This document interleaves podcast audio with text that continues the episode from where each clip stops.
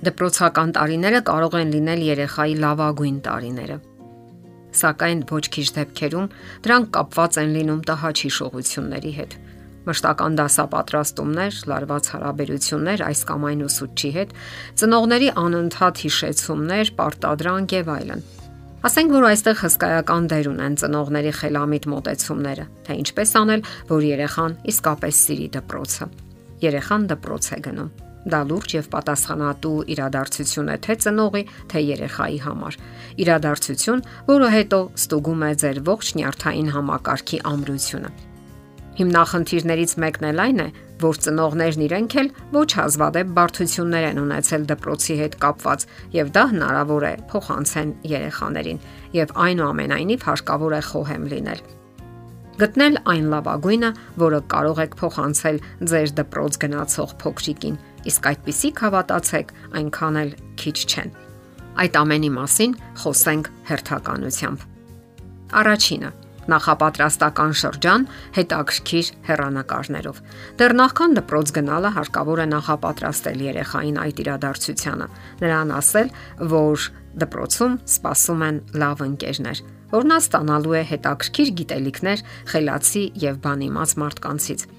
Կարևորեք նաև նրա հակոստները եւ գրենական պիտույքները։ Դրանք շատ կարևոր խթան են երեխայի համար։ Հիշենք մեր դպրոցական տարիները։ Աշխատեք, որ դրանք լինեն ոչ թե թանկ կամ ճոխ, այլ հետաքրքիր եւ իմաստավորված։ Նրան ասացեք, որ այդ ճանապարհով են անցնում բոլոր երեխաները եւ այդպես են բոլոր մարդիկ կյանք մտնում։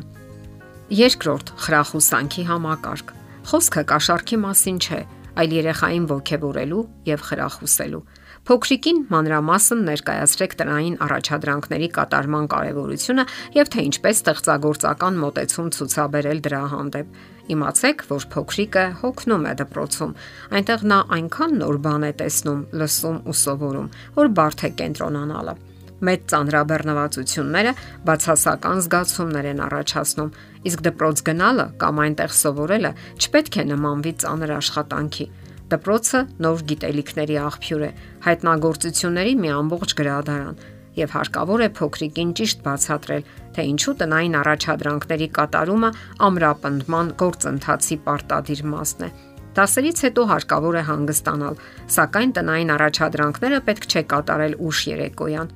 Եվ ահա տնային աշխատանքների անսխալ ու գեղեցիկ կատարումը հարկավոր է խրախուսել աստղիկներով, սոսնձային նկարներով, ընդ որում որևէ աչքի ընկնող տեղում։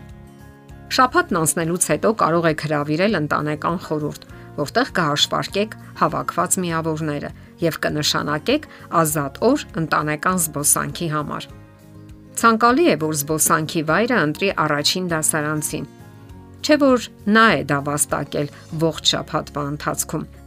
Զբոսանքի վայրը կարող է լինել զբոսայգի, գազանանոց, սահադաշտ, զվարճանքի կենտրոն, կրկես եւ այլն։ Երորդ՝ նպատակի որոնում։ Երեխային հարկավոր է ճիշտ ընտրված նպատակ, իսկ ծնողները պետք է օգնեն փոքրիկին, որ նա գտնի իր սեփական նպատակը, որը եւ պետք է լինի նրա կողմնացույցը ուսումնառության ողջ ընթացքում։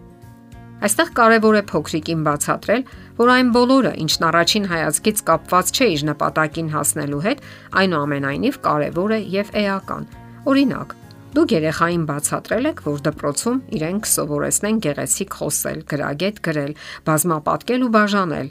գրքեր կարդալ։ Եվ ահա փոքրիկին կարող է թվալ, թե նկարչության, աշխատանքային ուսուցման կամ ֆիզիկական կուլտուրայի դասերը այնքան էլ կարևոր չեն սակայն իրականում հենց դրանք են օգնում առաջին դասարանցուն զարգացնելու ստեղծագործական ներուժը, երևակայությունը եւ հաղթանակի ձգտումը։ Դասերը գիտելիքներ ստանալու ուրախ ճանապարհ են, իսկ գիտելիքները միշտ չեն կարող ճշգրիտ լինել։ Դրանք օգնում են հասկանալու աշխարհը եւ շրջապատող իրականությունը առանց այն սահմանափակումների, որ դնում է մեր արժեվ գումարումը, հանումը կամ բաժանումը Ոչ քիչ դեպքերում հենց դա կարող է դառնալ կենսական ուղեցույց երեխայի համար։ Չի կարելի ոչնչացնել աշխարհն անցալելու երեխայի ստեղծագործական մոտեցումը։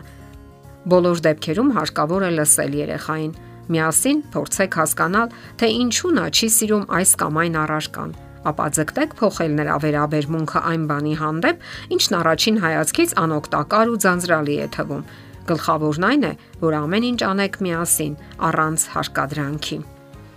4-րդ կետը՝ ծրագրավորումը հաջողության գրավականն է։ Երեխային անհրաժեշտ է առնվազն 8-ից 10 ժամ քնելու համար։ Այլապես նա գերհոգնածության մեջ կհայտնվի։ Բացատրեք, որ որոշ բաներ կարելի է եւ հետաձգել, իսկ ահական բաներ, որոնք հարկավոր է անել առաջին հերթին։ Եթե երեխան առարկություններ ունի, փորձեք լսել նրա տեսակետը։ Ապա միասին եկեք ընդհանուր որոշման։ Կարևոր է հաշվի առնել ընտանիքի յուրաքանչյուր անդամի կարծիքը Ներկայի այդ երկխոսությունը հետագայում շատ կոնֆլիկտների դեպքում կդառնա լուծման հաջող բանալին։ Փոքրիկը պետք է իմանա, որ ինքը կարող է համարցակորեն խոսել, որ իր կարծիքը լսում են եւ հաշվի առնում։ Նա ինքն է որոշում, թե ինչն է իր համար լավ եւ ինչը ոչ։ Պարզապես այս պահին ծնողների խորհուրդները կօգնեն ընդունելու ճիշտ որոշումներ։ Հարկավոր է հասկանալ, թե ինչով է ցանկանում զբաղվել փոքրիկը ազատ ժամերին։ Կազմեք համատեղ գրաֆիկ, որտեղ նշված է նրա քնելու եւ դասերը պատրաստելու ժամանակը։ Դրանցում պարտադիր է ձեր տեսակետը։ Իսկ ահա զբոսանքների ժամերը, ընկերների հետ հանդիպումը, մարզումները, համակարգչային խաղերը կազմվում են ըստ նրա ցանկությունների։ Յուրաքանչյուր կետ կազմելիս նշեք զբաղմունքի սկիզբն ու ավարտը։ Մենք ապրում ենք նոր ժամանակակից կանոններով աշխարհում։ Ընթունեք դա որպես փաստ Պարզապես արեք այնպես, որ երբ ձեր փոքրիկը մեծանա, դպրոցական տարիների հիշողությունները միայն երջանիկ լինեն, որ նրա հասունացման յուրաքանչյուր փուլը հագեցած լինի դրական ու պայծառ պահերով։ Ձեր երեխան պետք է սիրի այն, ինչով զբաղվում է։ Աշխարհում այնքան հրաշալի բաներ կան։ Սովորեցրեք փոքրիկին տեսնելու ամենայն պայծառն ու լուսավորը, որ կա նրա շրջապատում։ Եթերում ընտանիք հաղորդաշարներ։ Ձեզ հետ է Գեղեցիկ Մարտիրոսյանը։ Հարցերի եւ առաջարկությունների համար զանգահարել 033 87 87 87 հեռախոսահամարով։